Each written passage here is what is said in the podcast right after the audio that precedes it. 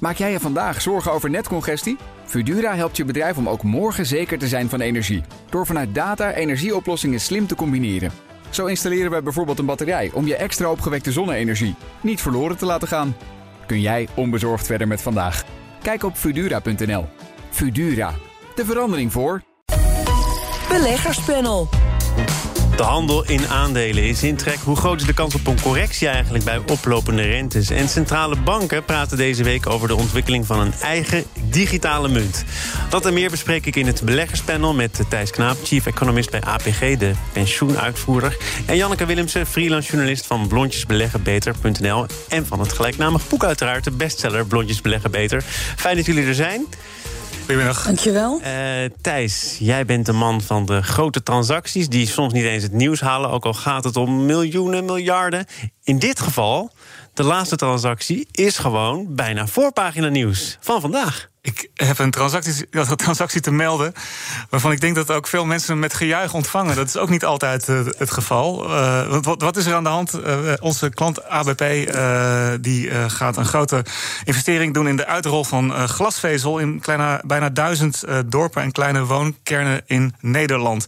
Glasvezel, bijna één op de drie woningen in Nederland heeft dat. Waaronder de mijne. ik heb daar het afgelopen tijdperkjaar yes. heel veel plezier van gehad. Nee, kan ik echt melden, want dat, dat, dat is een hele snelle en stabiele verbinding.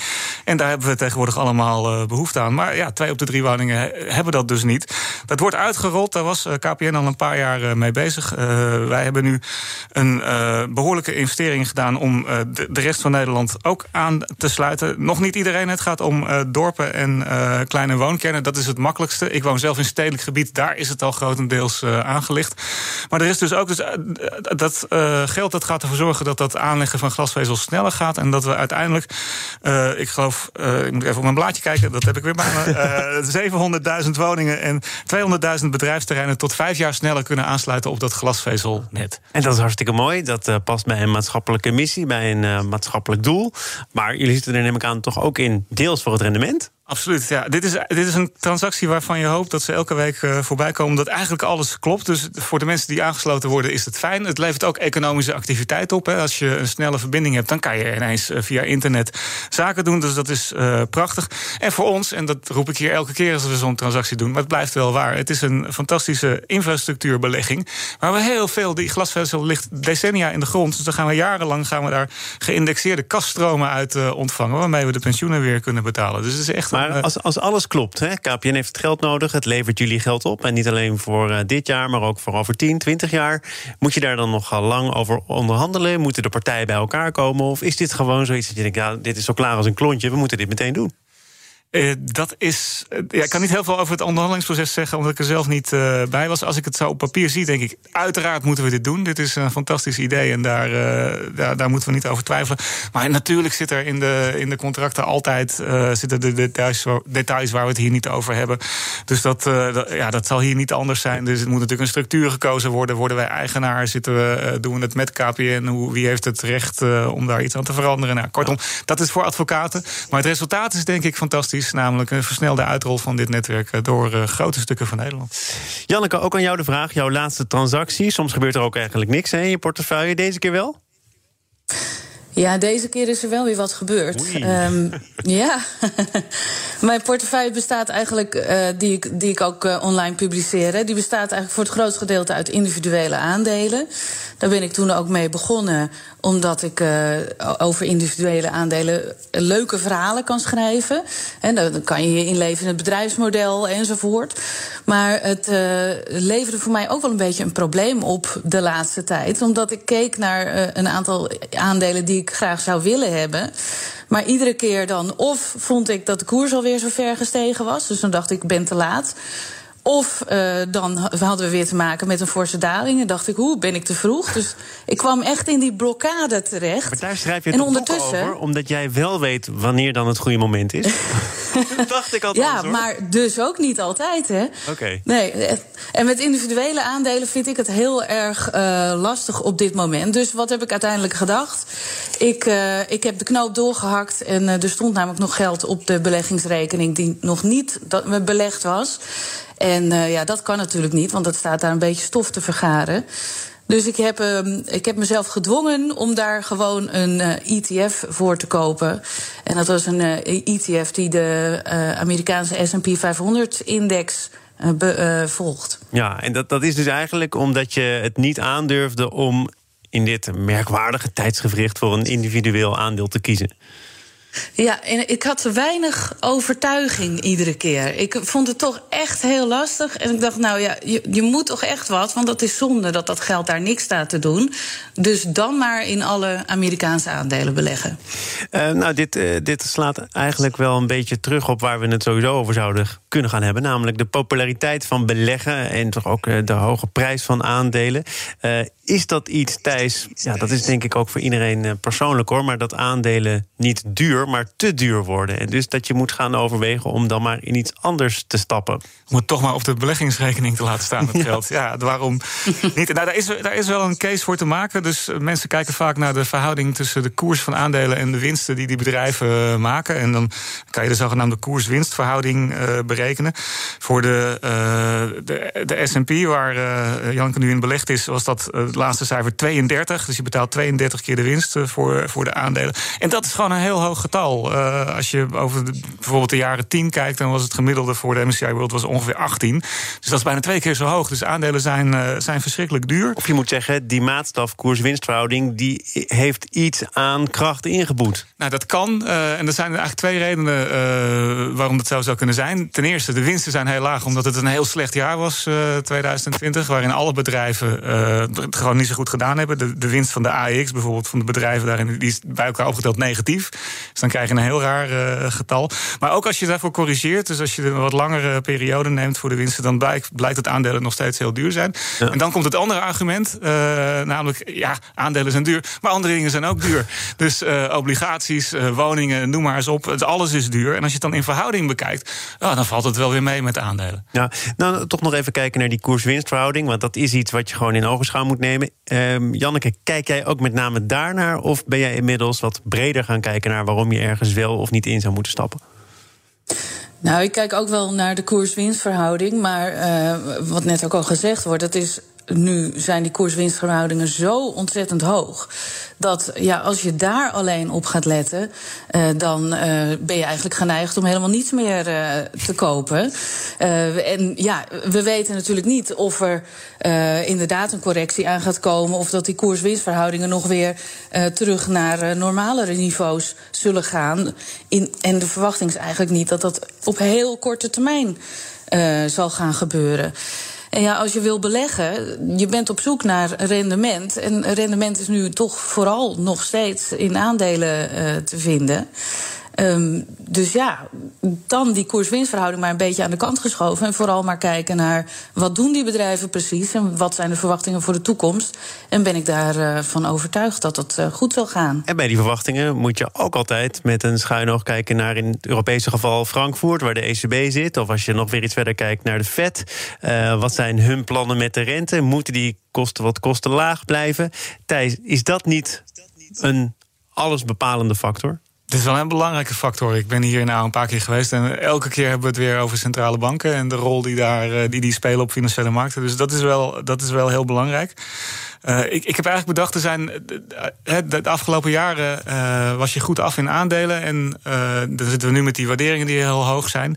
Um, en dan is het nog steeds relatief geen probleem. Maar je, je moet eigenlijk drie aannames maken. als, je, als, je, als je ervan uitgaat dat het, dat het zo doorgaat zoals nu. Dus dat je toch maar beter die aandelen kan hebben. En dat je je geen zorgen moet maken over de waarderingen. De eerste is dat we blijven leven in een wereld met lage inflatie. En dus lage rente. de tweede is dat je eigenlijk weinig anders kunt doen met je kapitaal. Dus de, er is, ja, er is niks anders waar je het in kan stoppen waar je dan wel wat mee kan verdienen. Of zoals economen zeggen, er is gewoon weinig technologische vooruitgang. Er is weinig nieuws onder de zon, dan maar weer de oude bedrijven.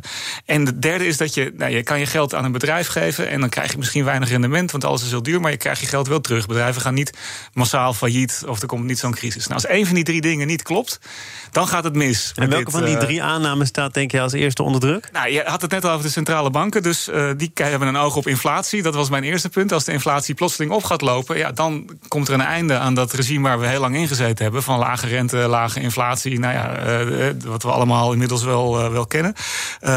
dan wordt het een ander verhaal. En dan, ja, dan, dan moet het voor beleggers even opnieuw berekenen worden. En dat, dat zal er onder meer toe leiden dat bijvoorbeeld obligaties weer goedkoper worden. En dat aandelen dan relatief heel erg duur zijn. Dus dan heb je kans op een correctie.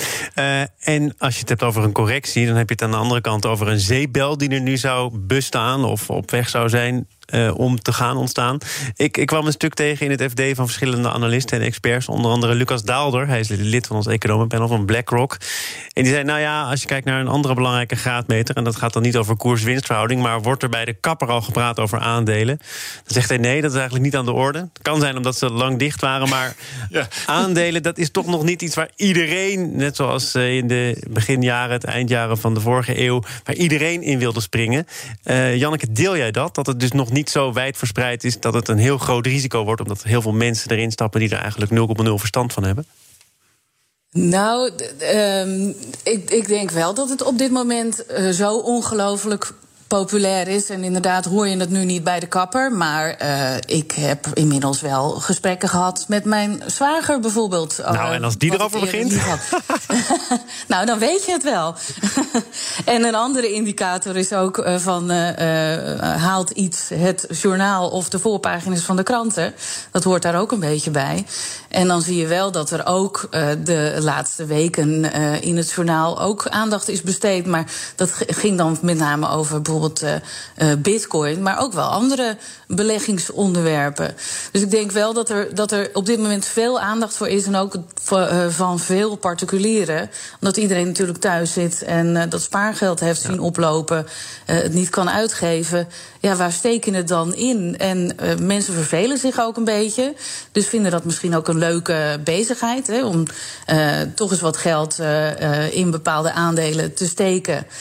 En uh, ja, er zijn er ook veel die dan het risico durven te nemen om dat uh, in, uh, in die cryptomunten ja. te steken. Maar, maar Janneke Martine Hafkamp die was hier vorige week en die plaatste dat een beetje in perspectief. Want er is ontzettend veel gespaard. Ik geloof 42 of 43 miljard aan extra spaartegoeden. En als je kijkt naar hoeveel geld er dan echt is bijgekomen op de beurs in Nederland, dan gaat het om 3, 4 miljard, wat natuurlijk aanzienlijk is. Dat is een record als je kijkt naar de afgelopen jaren. Maar kennelijk, ook al staat het daar stof te vangen, kiezen nog verreweg de meeste mensen toch voor geld op de bank. Of niet? Ben je er nog, Janneke? Ja, nou, even een transactie doen, ja. even het pauzemuziekje of gewoon een inhoudelijk antwoord op mijn vraag. Is er dan sprake van enorm veel geld op de beurs? Of blijft ondanks alles, ondanks die lage rente, negatieve rente op de bank... dat de voornaamste optie? Een van de redenen dat de rente zo laag is... is dat er überhaupt heel veel kapitaal wordt uh, gespaard in de wereld. En dat zijn wij niet alleen, uh, maar dat zijn met name de opkomende landen in Azië. China is een bekend voorbeeld. Het spaarvoet is veel hoger nog dan, dan bij ons. En dat heeft ons de afgelopen jaren gebracht waar we nu zijn. Met, met heel veel kapitaal en een hele kleine vergoeding die je, daar, eh, die je daarvoor krijgt. Ja, nu komt de Nederlandse en de Amerikaanse consument daar nog bij. Hè. Die, eh, die eh, inderdaad, in Amerika krijgen ze een check op de post waarvan ze denken: nou, wat zullen we hier nou eens mee doen? Ja. Ook maar beleggen. Dus dat, ja, dat is nog weer een zetje. Maar dat is, ik ben het wel met je eens, niet een heel groot zetje vergeleken met wat we al jarenlang gezien hebben. Namelijk de toevloed van heel veel geld uit alle hoeken van de wereld. Uh, dat de, de, financiële markten opzocht. Janneke, voor de volledigheid toch nog even antwoord op mijn vraag. Heel veel mensen blijven toch, ondanks dat het weinig oplevert, kiezen voor geld op de bank in plaats van beleggen. Ook al is er historisch veel geld wel naar de beurs en naar aandelen gevloeid. Dus eh, hoe verklaar je dat dan? Dat dat kennelijk toch voor heel veel mensen niet de optie is? Nou, omdat veel mensen natuurlijk bij beleggen toch wel uh, weten dat daar een risico aan vastzit. En uh, ja, je hebt er toch wel wat kennis voor nodig. Je moet je even verdiepen. En uh, nou, daarbij vind ik het overigens niet een slecht idee om uh, altijd geld op je spaarrekening achter de hand te houden. En mensen vertrouwen dat dan kennelijk net iets meer. En gaan wel beleggen, maar met een kleiner bedrag dan, dan dat ze op een spaarrekening hebben staan. We gaan naar deel 2 van dit panel. Zaken doen. En daarin zit Janneke Willemsen van blondjesbeleggenbeter.nl... en Thijs Knaap, chief economist bij APG. En we gaan het hebben over de centrale bank van de centrale banken... namelijk de Bank of International Settlements. Die zijn bij elkaar voor een Innovation Summit, om volledig te zijn. En, pardon, en er wordt gesproken over de toekomst van digitaal geld. Eindelijk? Of zijn ze eigenlijk nog best wel op tijd op het feestje, Thijs?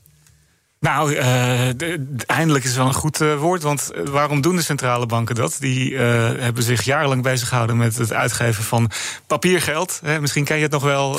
veel kleurige blaadjes die je in je portemonnee kon doen en waar je dingen mee kan betalen. En je merkt dat nou ja, in Nederland, maar ook in een heleboel andere landen, dat papiergeld steeds minder belangrijk wordt. je rekent alles met je pas af. En dat plaatst die, die banken een beetje buiten de, ja, de monetaire orde eigenlijk. Ze willen hun terrein terug. Ja, Controle houden. Nou ja, terecht, ja, en dat is, dat is helemaal niet zo gek, want de centrale bank moet monetair beleid uh, voeren. Nou ja, als je de, de geldvoorraad zelf haast al niet meer onder controle hebt, hoe kan je dat dan nog doen? Dus ik vind de interesse die daar is uh, over nieuwe vormen van geld uh, voor centrale banken, vind ik zeer terecht. Wat denk jij dat hieruit zou kunnen komen, Janneke? Nou, ik denk dat het goed is dat de centrale banken uh, zich hier nu in gaan verdiepen. Want eigenlijk zijn ze rechts ingehaald. Uh, door mensen die hun eigen betalingssysteem ernaast gaan zetten. Um, en wat er uiteindelijk uit gaat komen, ja, dat, dat vind ik lastig. Kijk, het zou best kunnen zijn dat uh, het, het girale betalingsverkeer dan ineens via een, uh, een crypto of een blockchain technologie uh, zal gaan verlopen. Maar er zal natuurlijk altijd wel, tenminste dat neem ik aan, die, die alternatieve route naast blijven liggen. Um, of, of banken moeten in staat zijn om dat soort uh, dingen uh, uh, te verbieden. Ik weet, niet of dat mogelijk is. Um, en veel mensen die nu in, in crypto zitten, die doen dat natuurlijk ook omdat ze de huidige financiële systemen eigenlijk niet vertrouwen. En dat is juist ook een, een, een, een lokkertje voor mensen die je ook bijvoorbeeld voor mensen die dingen doen die het uh, daglicht niet kunnen verdragen. Want zodra centrale banken uh, iets dergelijks op gaan zetten, dan wordt het natuurlijk wel gecontroleerd. Dus jij denkt, die laten zich en, niet in de armen drijven van een centrale bank die dan met een eigen cryptomunt komt, want dat is eigenlijk alles wat ze willen bestrijden. Ja, Zeker weten, ja. En nou ja, wat, wel, uh, wat, wat ik wel interessant vind, is dat ik ook las dat uh, de centrale banken bijvoorbeeld daarnaast ook willen kijken of het ook niet wat milieuvriendelijker kan. Want dat is natuurlijk ook een groot probleem op dit moment met het minen van, van die cryptomunten, wat zoveel energie verbruikt. Als je kijkt waar eh, centrale banken nu het nieuws mee halen, dan is dat toch met uh, geld bijdrukken en dat soort zaken meer. kan dat ook met een digitale munt zo makkelijk, denk jij, Thijs? Ja, absoluut. En we moeten hier echt een duidelijke onderscheid maken tussen dingen als Bitcoin en, en dat Ethereum. Is het, dat is het, absoluut niet. niet nee, het is, het is, dat is, uh, zoals Janneke al zegt, iets wat mensen zelf verzonnen hebben en waar, waar kennelijk waarde in gezien wordt door, door beleggers. Centrale banken houden zich bezig met het uitgeven van euro's en dollars. en ja, daar kan je dus briefjes van maken, maar dat kan je ook doen in de vorm van een digitaal tegoed. En daar moet je dan uh, ja, een bepaalde infrastructuur voor opbouwen dat je daarbij kan. Ja, die uh, centrale banken nu nog niet hebben, volgens mij. En die ze nu nog niet hebben, maar waar ze over na kunnen denken. Maar dat is dan wel uh, ja, een systeem wat nog ontwikkeld moet worden. En dat, daar zijn ze nu mee bezig. Maar dat, dat heeft voor centrale banken best wel voordelen. als je zelf geld aanbiedt en dat staat op een rekening bij jou, dan kan je veel beter monetair beleid voeren. Dan heb je zelf in de gaten hoeveel geld er gecreëerd wordt, hoeveel, uh, ja, uh, hoeveel te goed mensen hebben. Dan kan je eventueel wat bijstorten als je beleid uh, wil voeren. Want dat zou dus betekenen, Thijs, dat iedere, laten we zeggen, als we het op Europa betrekken, iedere Europeaan een rekening heeft, een account heeft bij de ECB bijvoorbeeld. Het zou een vorm kunnen zijn van, uh, ja, van central bank digital currency waar het dan over gaat. En je, je hoort meteen al wat, wat voor moeilijke dingen hier zitten. Want dat ja, hebben we dan onze bankrekening bij de gewone bank uh, nog nodig? Zijn die nog uh, levensvatbaar? Dat, dat is natuurlijk niet iets waar de centrale bank nu de vingers aan wil branden. Dat je alle commerciële ja. banken. Maar en, je zegt ook van dit leidt tot een beter overzicht of een beter inzicht van waar het geld eigenlijk zit, waar het misschien nodig is. Dat, dat overzicht is er nu dus kennelijk niet? Nou, het monetair beleid wat nu gevoerd wordt is redelijk grof. Hè. De centrale bank die, uh, die, die zet de, de, de, rente aan de korte kant of die koopt uh, stukken op. En dan moet het maar op een of andere manier doorgegeven worden aan de economie. Dat gaat dan altijd via de andere banken. Niet altijd helemaal. Uh, dus dat is best wel indirect en omslachtig. ja, dus dat zou best beter kunnen. Laten we tot slot naar een oproep van de directeur van de Start Foundation, Jos Verhoeven, deze week in het FD. Over beleggen in sociale woningbouw. Want hij vroeg zich af waarom er wel talloze duurzame initiatieven zijn. Ideële banken, terwijl de woningmarkt, die tamelijk op slot zit, ook door beleggers, grote beleggers, zou kunnen worden vlot getrokken. Janneke, zie jij hier een taak voor beleggers om die woningmarkt in de vorm van meer sociale woningbouw een beetje vlot te trekken? Nou, het idee is natuurlijk wel heel mooi dat, dat je dat op deze manier zou kunnen doen. Maar eigenlijk vind ik dat uh, zaken zoals sociale woningbouw... dat dat door de overheid zou moeten worden geregeld. En uh, ja, gewoon via de begroting. Dus je beslist uh, dat er meer geld naar sociale woningbouw moet gaan. En dan natuurlijk minder geld ergens anders heen. Dus ja, ik, ik begrijp niet helemaal waarom de overheid dat dan zelf niet voor elkaar zou krijgen. Maar uh, ja, ja het, het idee is. zeggen dat uh, bijvoorbeeld internet een grondrecht is. of dat het belangrijk is dat er uh, windmolens worden gebouwd. En dat je dan bijvoorbeeld kunt kijken naar APP en APG die daar geld in stoppen. Zo zou je dat ook kunnen voorstellen. Misschien wel bij sociale woningbouw. Ja, nou grappig dat je dat zegt. Want uh, al jaren uh, komt er zo nu en dan een oproep.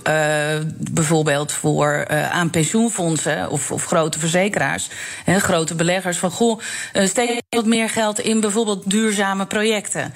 Maar um, ja, en dan zit er natuurlijk bij jou in de studio iemand die daar veel meer van af weet. Maar wat ik altijd begrijp is, ja, als je wilt beleggen voor een pensioen, dan moeten die beleggingen wel aan allerlei kwaliteitseisen voldoen en allerlei zekerheden. En ze moeten ook nog rendement opleveren. En ze moeten groot genoeg zijn, zodat je niet met uh, duizenden inimini-beleggingen uh, moet gaan werken. Want dat brengt allemaal extra uh, administratiekosten met zich mee. Dus ik vraag me af of, of dat überhaupt kan.